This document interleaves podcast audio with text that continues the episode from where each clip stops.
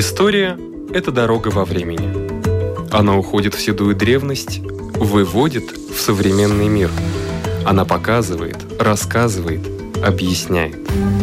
И не перестает удивлять. Живая история.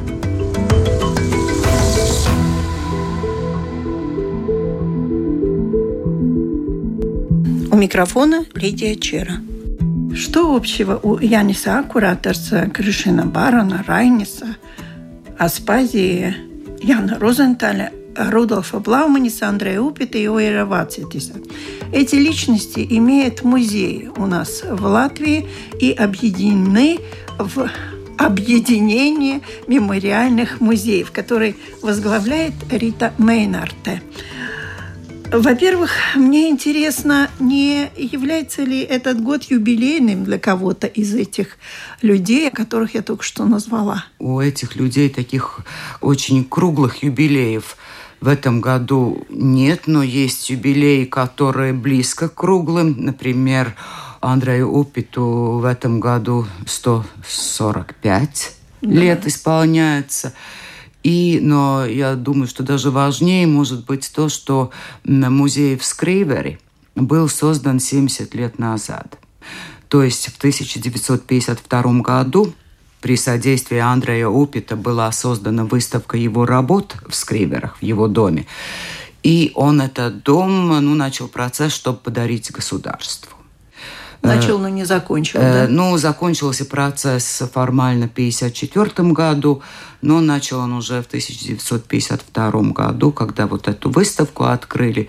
И сначала он надеялся, что это будет как выставка его работ при Союзе писателей, но потом э, закончился, значит, тем, что он подарил этот дом государству в лице Академии наук, при которой тогда работал Государственный литературный музей. Да. И этот музей в Скривере, он тоже работает, он открыт? Да, музей работает, музей открыт. Это музей сезонный, он работает с 1 мая по 31 октября.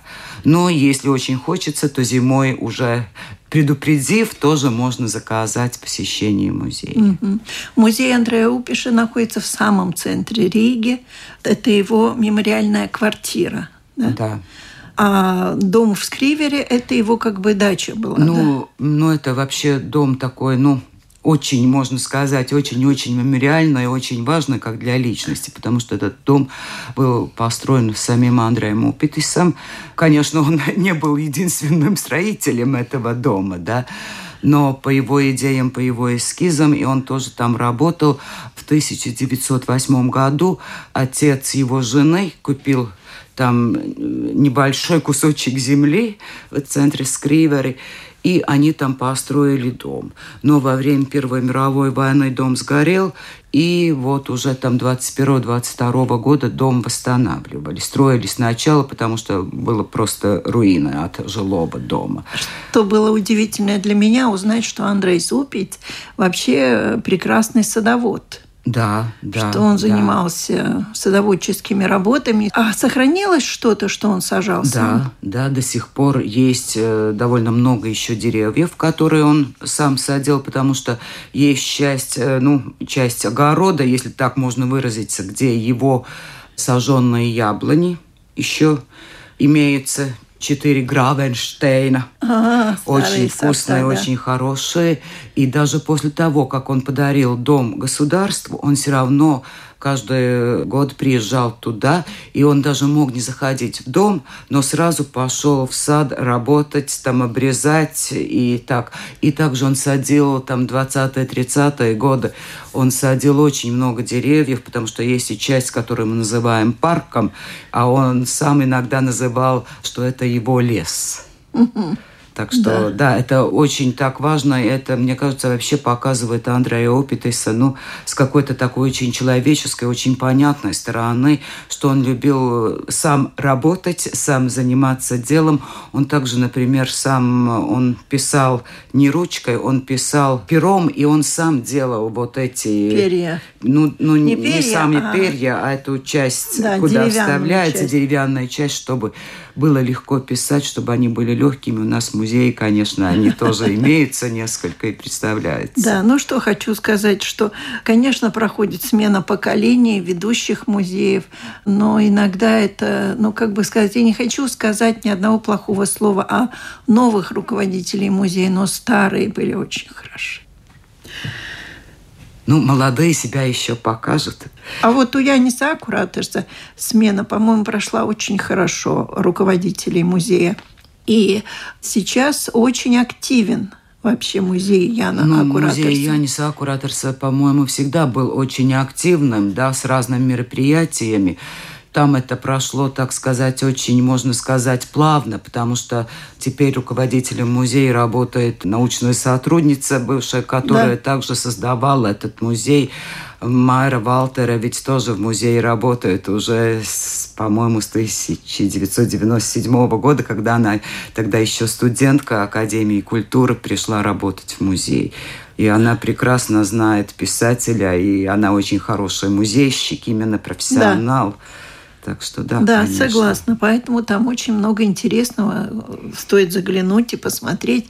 И ремонт хорошо прошел, такой вот сохранил именно этот дом. Как бы сохранил и дух, и дом. Да, и я думаю, что даже дом ну, стал намного богаче, да, именно эмоционально богаче для посетителей, потому что теперь посетителям ведь после реставрации открыты все комнаты, все помещения, да, в которых жила семья писателя. Начиная с гостиной и кончая ванной, кухней. Настолько живо мне рассказывали после ремонта, когда я пришла, о том, как взбивали на крылечке Дебесману. Да. Пришла домой и сделала Дебесману. Захотелось. Настолько это живо представилось. Все, вся жизнь, весь быт, картины, друзья, знакомые, какие-то вот э, вечера, которые там проходили. Все это было очень ощущаемо. Да, и это очень важно, потому что ну, посещение музея личности, мемориального музея, это все-таки ну, очень эмоционально должно быть, как сказать, влиять на нас эмоционально, не только э, информацией. Да. Это важно, и очень многие как бы спрашивают, а вы тут живете, моим коллегам, да, да, потому что, ну, кажется, что да, мы пришли в гости. И мы вообще так и стараемся работать, что посетитель – это наш гость – это гость нашей личности, которую мы представляем. Ну да. Жаль, в ваше объединение не входит музей Александра Чака. Мне кажется, он очень близок по духу. Ну, конечно, да. Ну, тоже ведь музей личности, музей писатель, но это городской музей, да. Ну, это... Да. В прекрасном месте находится музей Рудольфа Блауманиса и Яна Розентала. Единственное, что подниматься по этой прекрасной лестнице очень высоко.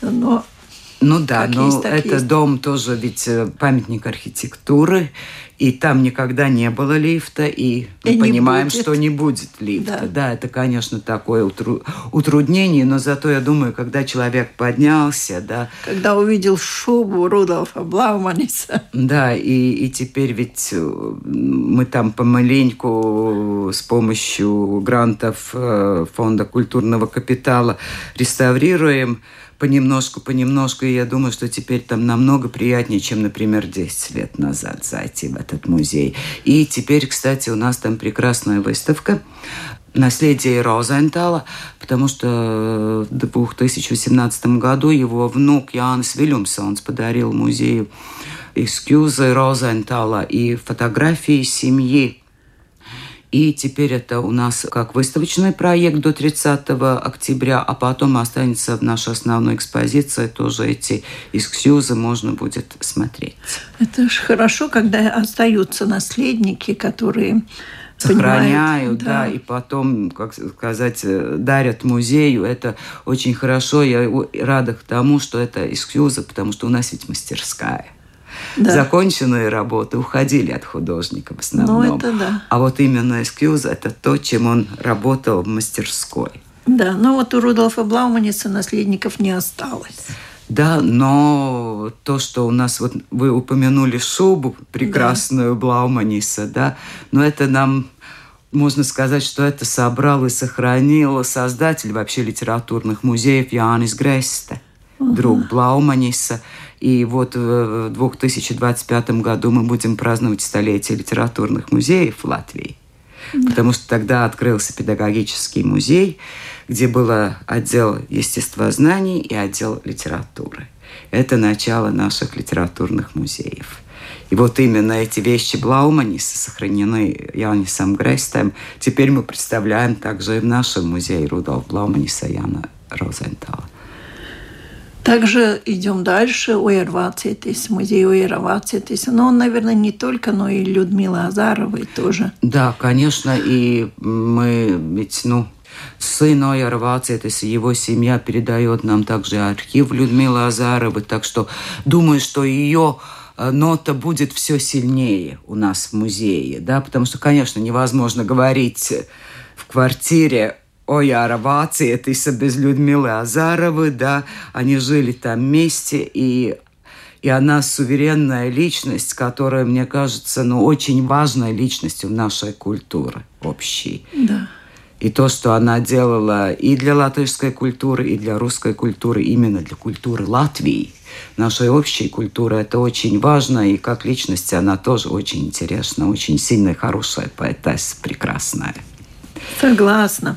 Но есть какие-то еще неразобранные, наверное, материалы. Все-таки есть над чем работать. Да, конечно, там у нас э, коллеги активно принимают это, ну, рассматривают наследие, материальное наследие, да, Людмила Азарова, и мы их э, включаем в наше хранение.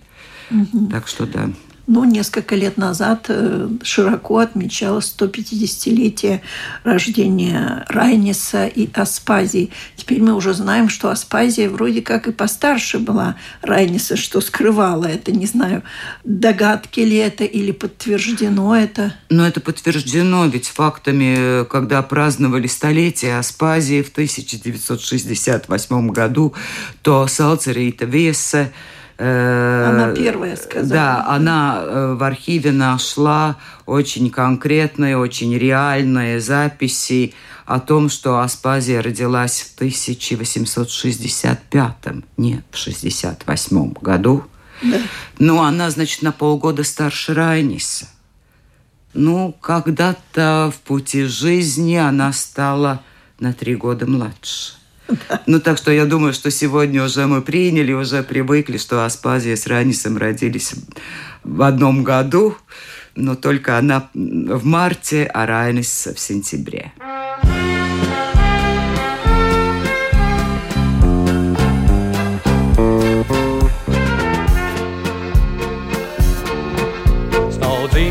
zaļā ielējā, kur redzams ūdens kritums, tie naktī vienā laidienā skan dzīvu raturi, tums tur mūžam rati klip klapie, kura mēldes augšu klēju pie un rīko savus ļaudis.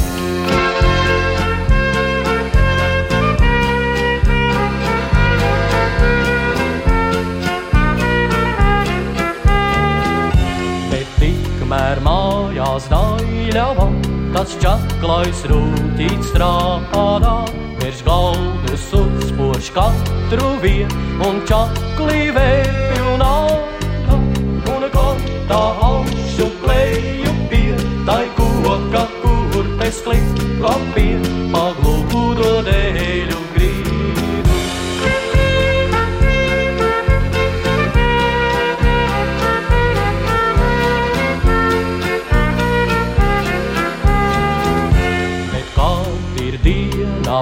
vakarā un dienas darbi beidzas, pie dārza vārtiem un malā, tā mani satic steidzas, un kaut tai rūkas tur ciet, tad sirds mums abiem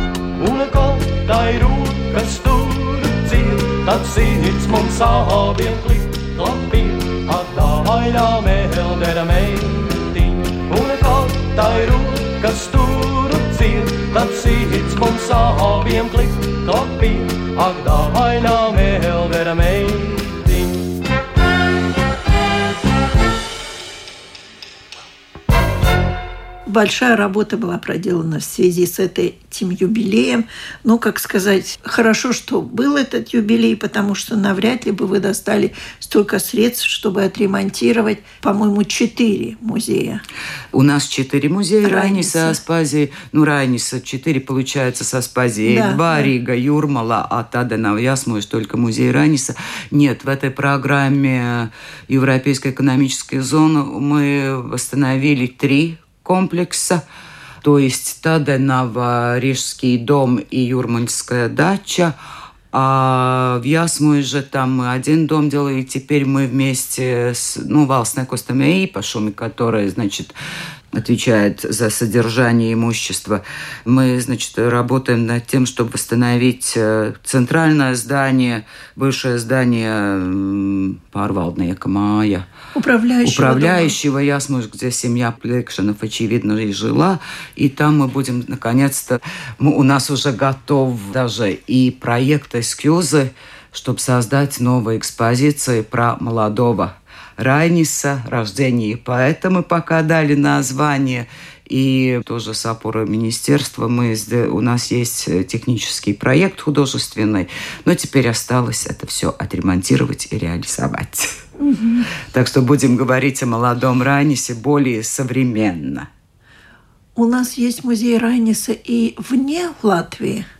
Э, да, есть музей э, в Слободском, где ранее, значит, был в изгнании и жил с 1899 по 1903 год и работал, и где создан его первый сборник стихов «Далекие отзвуки синего вечера». И также есть музей в Швейцарии, в Лугано, в Кастаньоле, где такой, ну, памятный музей, где поэты жили, когда после революции пятого года они должны были покинуть Латвию, то это с 906 по 1920 год. Словацкое – это Россия или Белоруссия? Это Россия. Это, ну, Вятская губерния тогда, Кировская область. Да. И, ну, до сих пор пока... Музей существует. Музей существует, Пока да. Не, не ликвидировали. И в связи с этим очень хороший и капитальный ремонт пережило здание на центральное, где жили в Риге поэты. Там тоже много что поменялось, совсем другое здание выглядит совсем, ну, даже не так скрипят ступени уже скажем так. Ну, на улице Базнейцес 30, да. в самом центре Риги, но как бы не рядышком с центральной улицей да, Бриве и Псиела. Да, поэтому получается как бы такое более тихое место. Наш деревянный дом, конечно, после реставрации в шестнадцатом году мы открыли новый, свежий, красивый. Думаю, что он выглядит э, снаружи и снутри лучше, чем когда там жили поэты в этом доме. Наверняка. Да, и потому что есть ведь документальный кадр. Слава богу, можно сказать, что насчет этой квартиры существует не только фотографии, не только воспоминания, но есть и документальные кадры сняты там в 27-28 году. И видим, как они жили – И какая мебель там была. Да, и у нас подлинная мебель, мы, чем мы очень, конечно, гордимся, что эту квартиру мы могли создать с подлинной мебелью и что туда входя, ну, как бы мы тоже поглощаемся в это время, когда они жили, даже в том, что свет не такой яркий, как мы сегодня привыкли. Знаю, да. что сначала коллеги тоже смущались, а как вечер, темно, ну, зимой особенно, да, ну ведь ну, сумерки рано начинаются. Как-то очень так темно. И говорю, ничего, милые, они так жили. Тогда была одна лампа, и все. LED-лампочек еще не было да, далеко да, до да, них да. было. И поэтому, конечно, если ты приходишь... Атмосферу. Но зато создается атмосфера. И там, ну, мы немного помогаем атмосфере вместе с художниками, тоже создали то, что есть небольшие звуковые эффекты. Если все, обстановка вся историческая, подлинная, то звуковые эффекты как бы нам помогают почувствовать, как как это могло быть? Прекрасный аудиогид в музее Аспазии. Я была, слушала, мне очень понравилось. Тоже ощущение присутствия поэтессы в доме.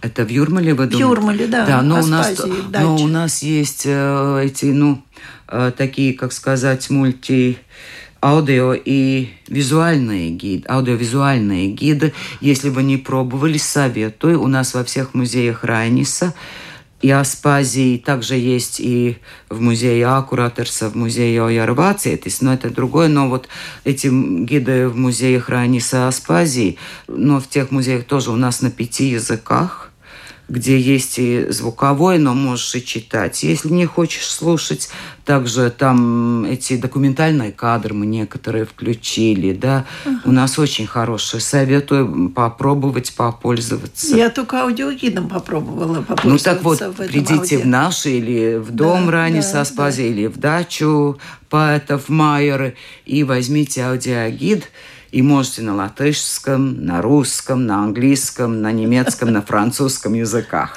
И фильм у нас ведь в музеях Ранис очень хороший, мне кажется. Тоже документальный. Документальный, фильм, да. Фильм создан на 17 минут, где мы музеи мы все-таки строили так, что они как бы дополняют, ну, по сюжету друг друга, да, это да. не так, что ты пришел в один музей и узнал все про поэтов, да, но за то, чтобы, так сказать, попасть именно в тот период, куда ты пришел в гости, то мы показываем этот фильм 17 минут тоже на пяти языках, предлагаем посетителю ему удобный язык, и ну, ты как бы очень коротко, но проходишь через жизнь поэтов. Прекрасно.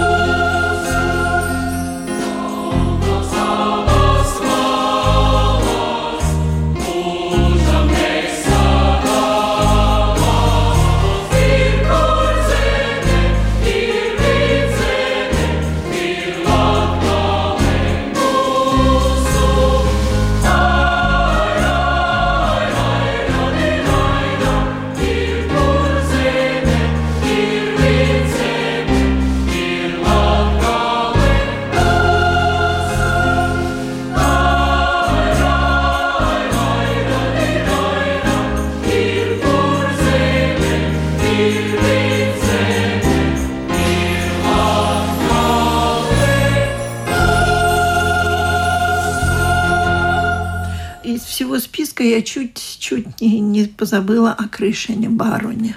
Ну вот там, по-моему, ремонта не было давно. К сожалению, да, музей Кришани Сабарана не получил э, ремонт и возобновление с 1985 года, когда на столетие фолклориста этот музей открылся. Да, к сожалению, это так. Там мы представляем все еще эту одну мемориальную комнату, в которой жил, да. где кончилась жизнь э, фолклориста. Но также, ну, экспозиция, значит, у нас та же, теперь почти уже 40 лет экспозиции. Но она была создана качественно, что, мне кажется, все-таки спасает, и как бы мы в истории поглощаемся. Но там очень интересная выставка новая у нас. Открыли весной этого года незнакомый Баренс – вот не была. Так надо что обязательно, обязательно надо посетить. Это такая тоже, ну, методы, которыми там коллеги работали вместе с художниками и, так сказать, ну, главным дизайнером. И это такие, ну, новые методы. И мы познаем, ну, такие, ну, менее известные черты жизни и деятельности Кришани Сабарана. И там тоже эта экспозиция с, с аудио и такими визуальными планшетами предлагается на трех языках. На латышском, на английском и на русском. Ага. Все тексты. Ну, да, так как наша программа звучит 13 сентября, 12, как мы все знаем, день смерти, поэтому уже как-то привычно, что в Латвии эти дни, даже неделя, вся посвящается поэзии. Вот в ваших музеях, ну, к сожалению, наверное, уже прошли эти дни. К сожалению, к 13-му уже дни, да, в этом году прошли. Да, но выставки останутся. Например, 10 сентября мы открываем новую выставку в Юрмале на даче поэтов. То есть Майер, улица Плekшана 5-7, Райнис и море. Mm. Он и любил море. Он очень любил море, да, и море ему было и место вдохновения, да, и место, где он любил, где он занимался как бы, ну, улучшал здоровье, да, да он ведь купался очень долго осенью. Феноменальный купальник. Э, в это есть даже фотография, где да, он в таком да, полосатом да, да. Он очень любил море, очень, значит, и как, э, как физическая личность, и как ментально. ментально, да, и в его поэзии много моря. И также в этой выставке наша, ну, можно сказать, коллега молодого поколения музейщиков Лейнда Гринберга вместе с, тоже с новым дизайнером Рейнис Дуцманис, они создают и про море Райниса – и говорит о том, как мы сегодня относимся к морю, как к ресурсу, вопросы экологии, которые раньше тоже были очень важными, да, и к чем Ранис обращал большое внимание.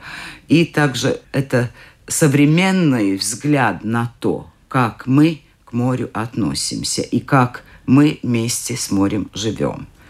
Так что ну, выставка будет новой. И до октября в Нижнем зале еще выставка художницы Маши Зюриковой, которая занимается городские эскизы, и ее выставка про Юрмалу. Она одна из начинаний этого движения в Латвии, и, значит, на сей раз там Юрмала с юрмалскими прекрасными деревянными постройками. Да. Ну, а перспектива какая вот у ваших музеев? Есть что-то, чего бы вы очень хотели дождаться или, или уже где-то в перспективе у вас в планах что-то стоит такое интересное? Ну, я думаю, я уже, мы уже говорили про Ясму, про то, что да, мы да. теперь работаем над тем, чтобы отреставрировать центральное здание музея. Также у нас в планах то, что надо тоже восстановить музей Андрея Упиша в Скривери. Он все-таки очень долго не получал ремонта, и, но здание теперь уже сто лет, да, как построено это здание, и там должно быть восстановление. Ну и также музей Кришани Сабарана, конечно, у нас, так сказать, да, на, перспективе. На, на перспективе. И есть такой, ну, проект который, я надеюсь, что мы сумеем создать, потому что это связано с музеем Ойярвациетиса, где, конечно, тоже это здание, которое больше, чем 200 лет, да, тоже надо реставрировать и возобновлять. Но, к сожалению, там конкретных таких не могу дать планов, потому что там у нас сложная все-таки это все ситуация с имуществом. Но мы в ближайшие годы поставили себе задачу присоединить к тем мемориальным комнатам поэтов, которые мы имеем, кухню и ванную этой квартиры. Ага. Ну да, все время какие-то вот у вас хозяйство такое неспокойное и неоднозначное, скажем так. Да, есть, ну, которые да. в блестящем состоянии находятся, а есть, которые надо подтягивать, и это будет, наверное, всегда, ну, это пока существует объединение мемориальных музеев Латвии. Но зато каждый может зайти и познакомиться с такой личностью, которая для Латвии очень много что значит. И увидеть, и понять, и прочувствовать. Это да. замечательно. Спасибо. У нашего микрофона была директор объединения мемориальных музеев Латвии Рита Мейнарте. На этом наша передача заканчивается. Всего вам доброго.